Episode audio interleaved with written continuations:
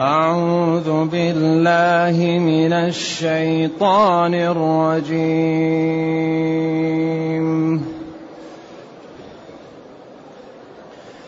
قل إنما أعظكم بواحدة أن تقوموا لله مثنى وفرادا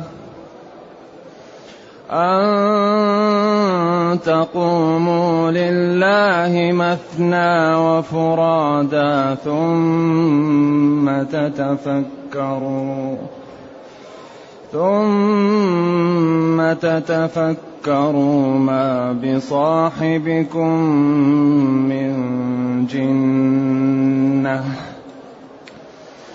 إن هو إلا نذير لكم إن هو إلا نذير لكم بين يدي عذاب شديد.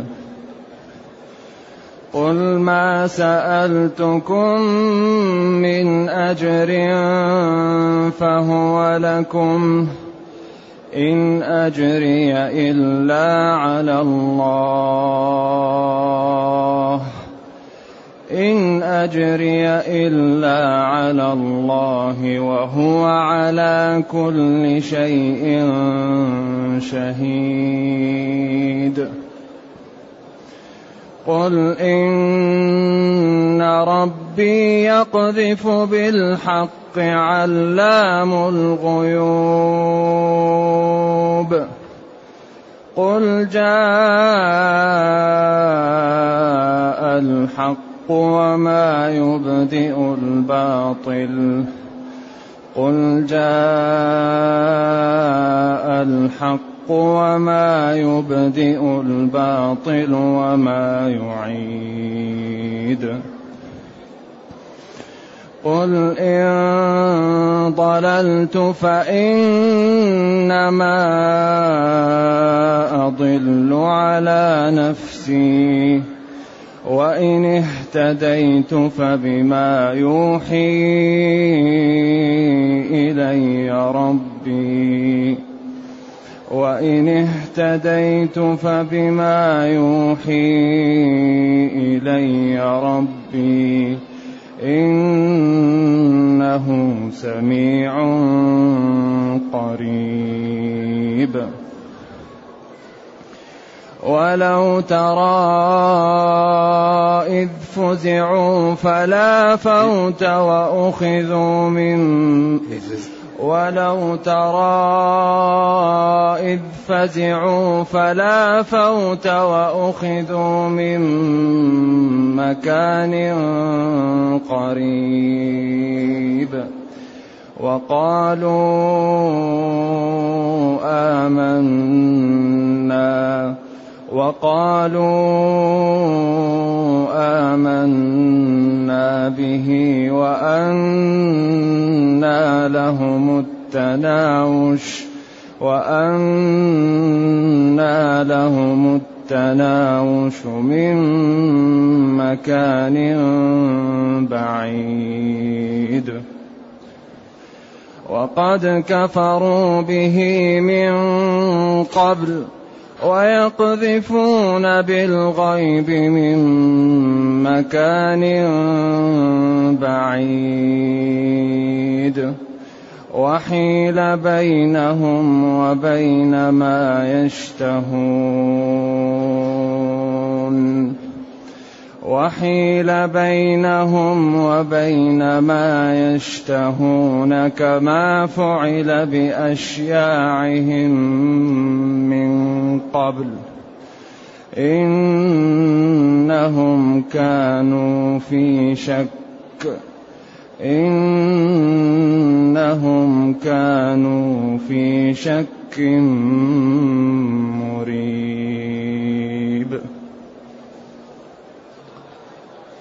الحمد لله الذي أنزل إلينا أشمل كتاب وأرسل إلينا أفضل الرسل وجعلنا خير أمة أخرجت للناس.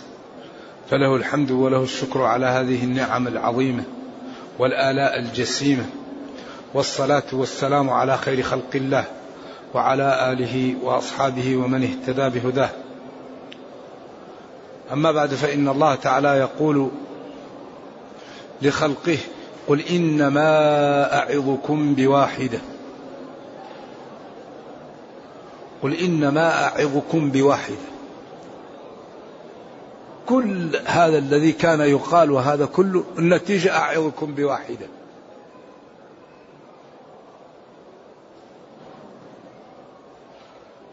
هذه الواحدة هل هي لا إله إلا الله أو هي الإيمان أو خلاصة الأمر أن تقوموا لله؟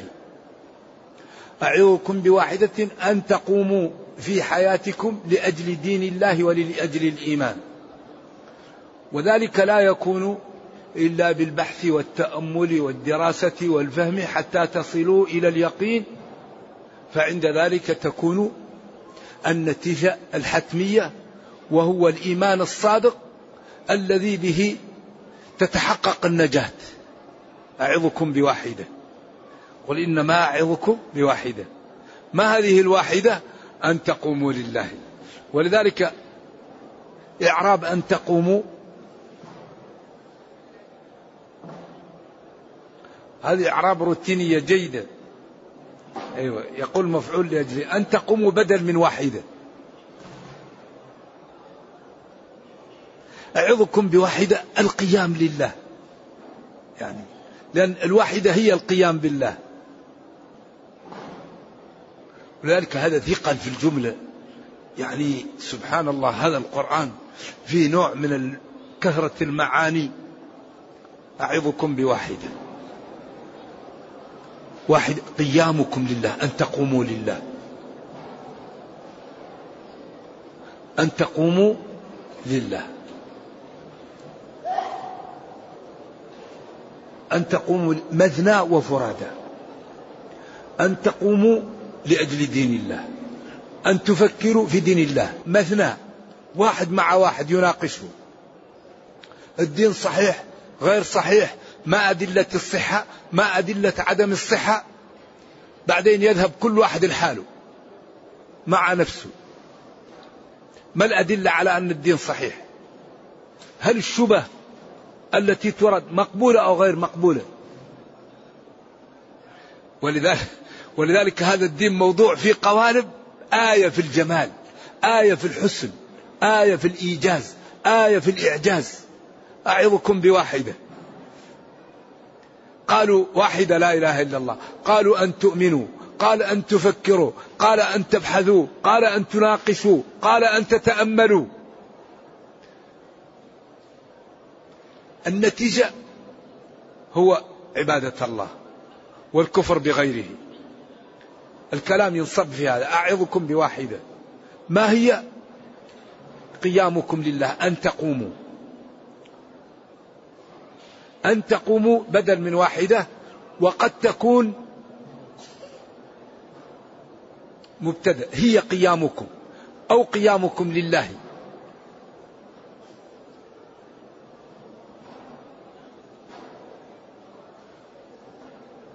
أو تكون منصوبة وهذا هو الروتين بنزع الخافض. لكن أعظكم بواحدة قيامكم أي أن تقوموا لله. مثنى وفرادى مثنى وفرادى بنيت للعدل أو غيرها. منعت قصدي من الصرف. قالوا مثنى شخص شخص. إذا كان عندك مشكلة تناقش. بعدين لما تناقش تجلس مع الحالك تفكر. فرد لحالك تفكر. لذلك هذا الدين موضوع في قوالب يستحيل من تأمل إلا يقول لا إله إلا الله. ما, ما يمكن لأنه هو أولا الذي أنزل عليه القرآن أمي لا يقرأ ولا يكتب. وفي أمة أمية لا تقرأ ولا تكتب. وبعدين أتى بكتاب فيه من من انتشاء آدم إلى أن يدخل أهل الجنة أهل الجنة وأهل النار النار. وكل قضية وقعت. طيب وهو لا يقرأ ولا يكتب. وهذا جاء في قوالب غاية في الجمال والحسن فاختير له أحسن الكلمات. في أحسن المعاني في أحسن النظم في أحسن الحروف. فجمع بين السلاسة والجزالة وبين الفخامة والعذوبة وهذا لا يعاد في كلام البشر مع ما فيه. لذلك القرآن نقله. يعني وضع القرآن وضع نقله نقله. موضوع في قوالب متميزة. كان أجمل ما عندهم الشعر والقصائد والمعلقات وكلها تتعبر عن أمور في غاية من التفاهة. تافه قفا نبكي. من ذكرى حبيب ومنزلي بسقط اللواء بين الدخول فحومل. تعال نبكي. لذكرى أحبة منازلهم بين هذه الأماكن. طيب وبعدين؟ والثاني يقول ودع هريرة. وكلام تافه. والثاني آذنت لي بينها أسماء. كل ذكر الأحبة والمنازل والديار والأثافي والطرب والرمم. بعدين هذا الكتاب بدايته الحمد لله رب العالمين الثناء بالجميل للمعبود بحق الذي هو مربي هذا الكون الذي شملت رحمته جميع الخلق وخص المسلمين برحمة خاصة. فنقلة نقلة أصلا هذا الدين موضوع في قوالب نقلة. بس ينبغي أن نتأمله أن تقوموا لله مثنى وفرادا. تفكر كيف هذا جهينا وكيف هذا؟ وهل الدين صحيح أو غير صحيح؟ وما الأدلة على صحته؟ وما وكيف نرد الشبه؟ قال وإن كنتم في ريب مما نزلنا على عبدنا فأتوا ما قال فقد كفرتم فأتوا بسورة من مثله وادعوا كل أهل الأرض يساعدونكم على الإتيان بمثله فإن عجزتم ولم تستطيعوا فهناك الخطر ماثل وقد أوعد المكذب به النار فاتقوا النار. إذا أعظكم بواحدة كل الكلام خوفكم وأعظكم بواحدة وهي أن تقوموا لله مثنى وفرادا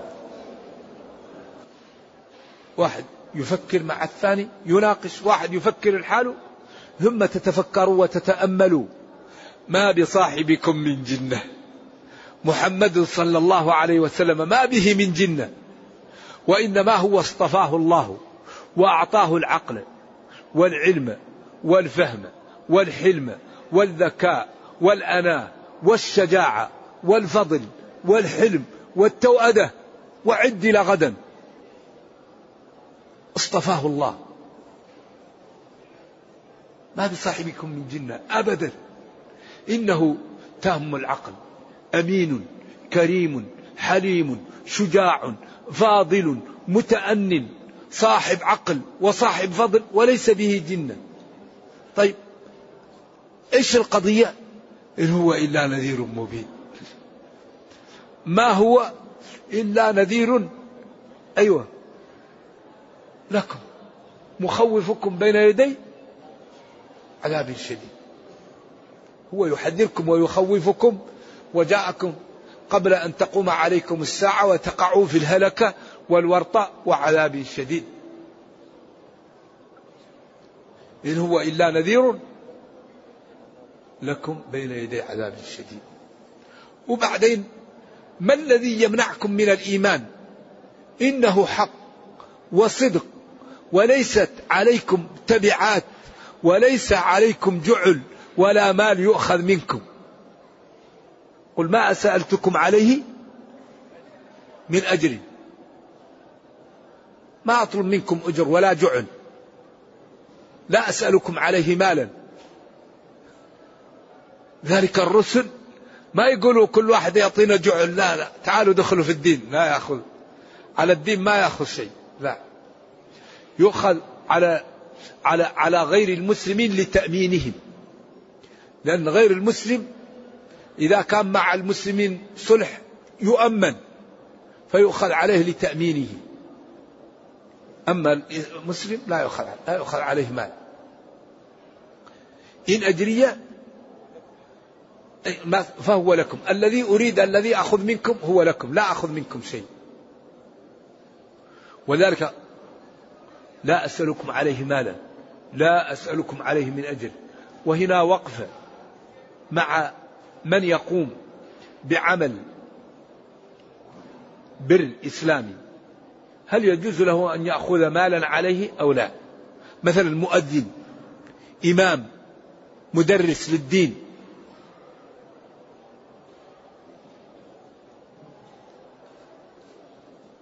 هنا بعض العلماء قالوا لا يأخذ. ولذلك لما قال قوس قال قوس بالنار لما كان يعلم أهل الصفة وأعطاه رجل قوس قال له نعلمه قال له لا لا تأخذ. وبعضهم قال لا نظر إلى المصلحة. فقال من كان؟ بإمكانه أن يتكسب وترك التكسب. ليقوم للمسلمين بهذا بهذه المهنة. وأصبح وقته مشغولا للمسلمين بالأذان أو بالصلاة أو بالتعليم فيعطى لأنه إذا كان كل واحد لا يأخذ والناس تحتاج فهذا يضيع المصالح. فنظروا لمصالح المسلمين وقالوا لا مانع من يأخذ الأجرة على التعليم وعلى الأذان وعلى الصلاة لأجل الوقت. لأجل لأنه ما يقدر يمشي ما يقدر يتأخر. ما هو لأجل أنه أذن لأجل الوقت الذي يبقى محبوس به هنا ما يقدر يمشي.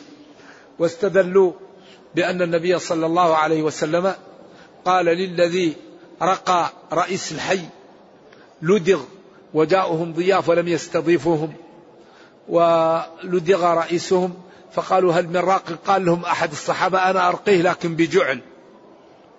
فأعطاه قطيع من الغامن فالنبي صلى الله عليه وسلم أقرهم. قال اضربوا لي بسهم على ما الأثر. فدل ذلك على أن يعني يمكن أن يأخذ بهذا. يعني الرقية مثل القراءة ينتفع به.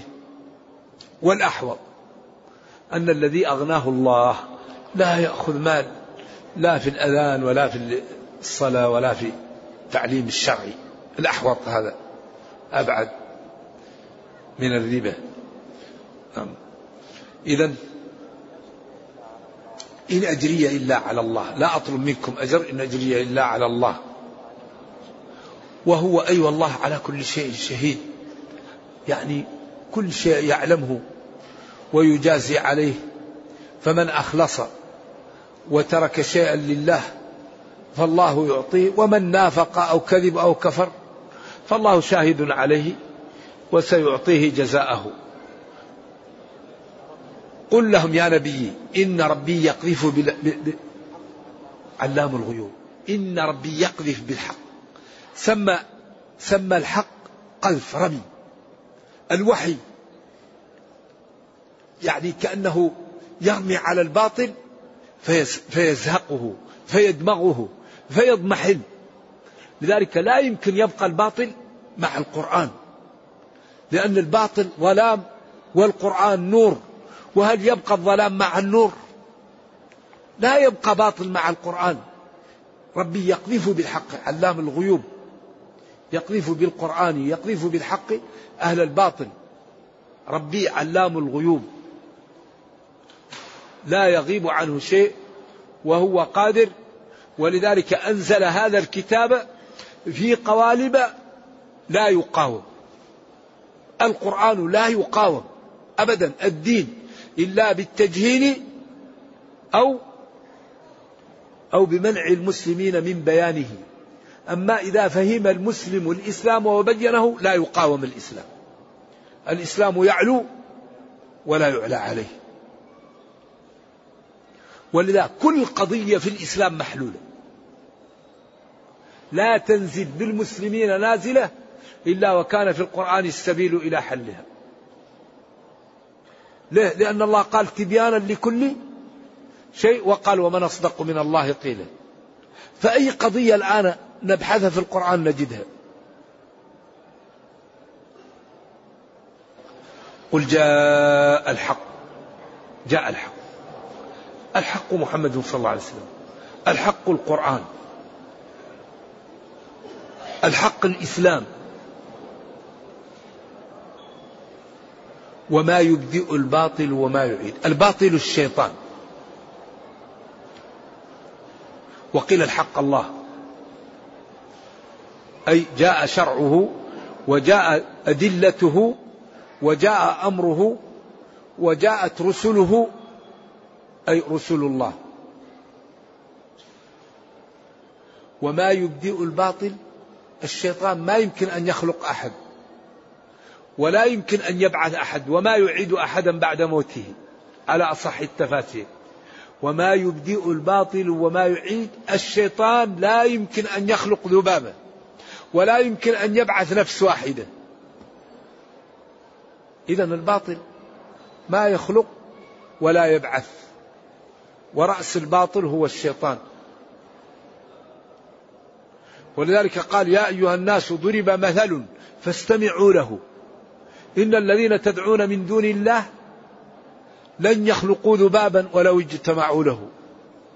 وإن يسلبهم الذباب شيئا لا يستنقذه منه. ضعف الطالب والمطلوب. ما قدر الله حق قدره. إن الله لقوي عزيز. قوي.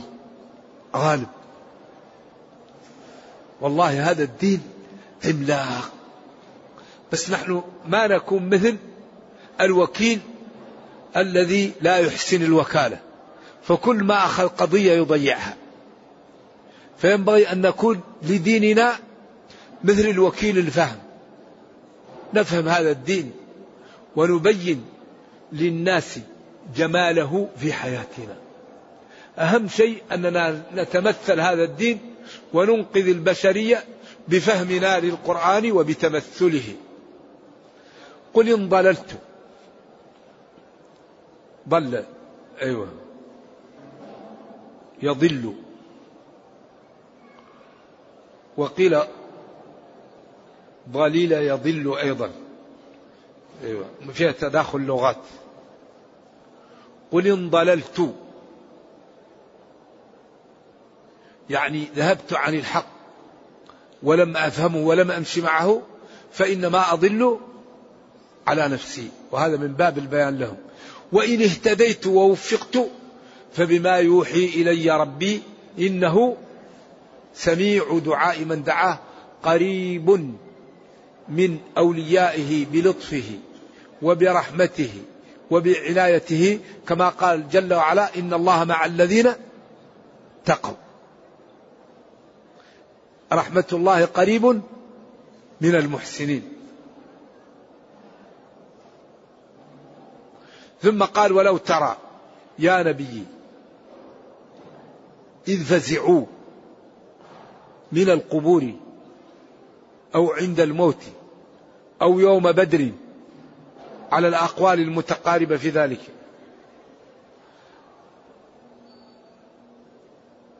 فلا فوت فلا مهرب.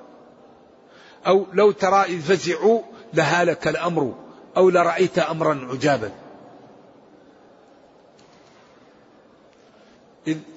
إذ, رأيتهم في هذا لهالك الأمر أو لرأيت أمرا عجابا. وأخذوا من مكان قريب. قالوا كل ما على الأرض قريب من الله. فالله تعالى الأرض وما عليها في يده أصغر من حبة خردل. وما قدر الله حق قدره والأرض جميعا قبضته. وقالوا هؤلاء الكفار آمنا به آمنا بالله أو بالقرآن أو بالنبي صلى الله عليه وسلم أو بالله. وأنى لهم التناوش التناوش.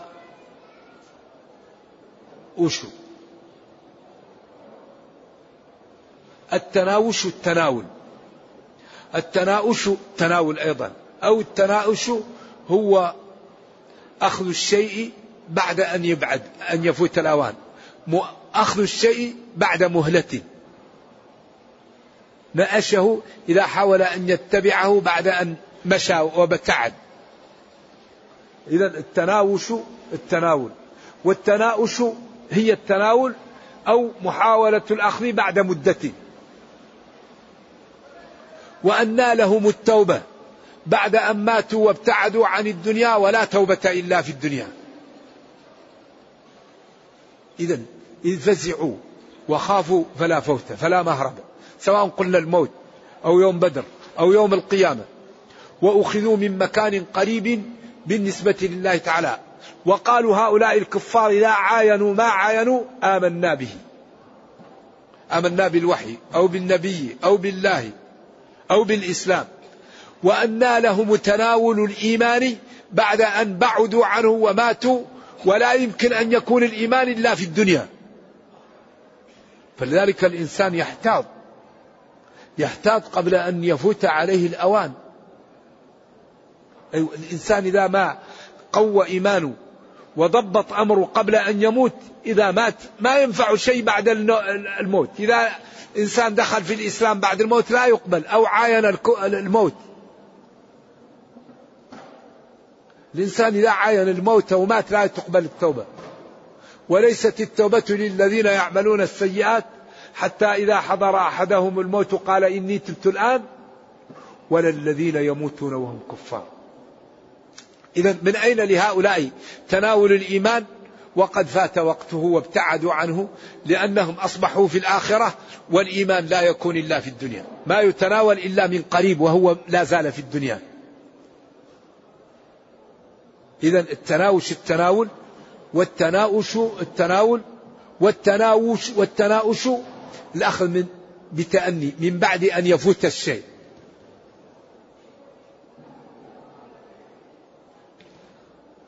وأن لهم التناوش من مكان بعيد. مكان البعيد هو الدنيا وهم في الآخرة.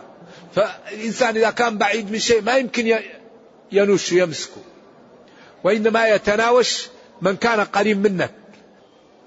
وقد كفروا به من قبل.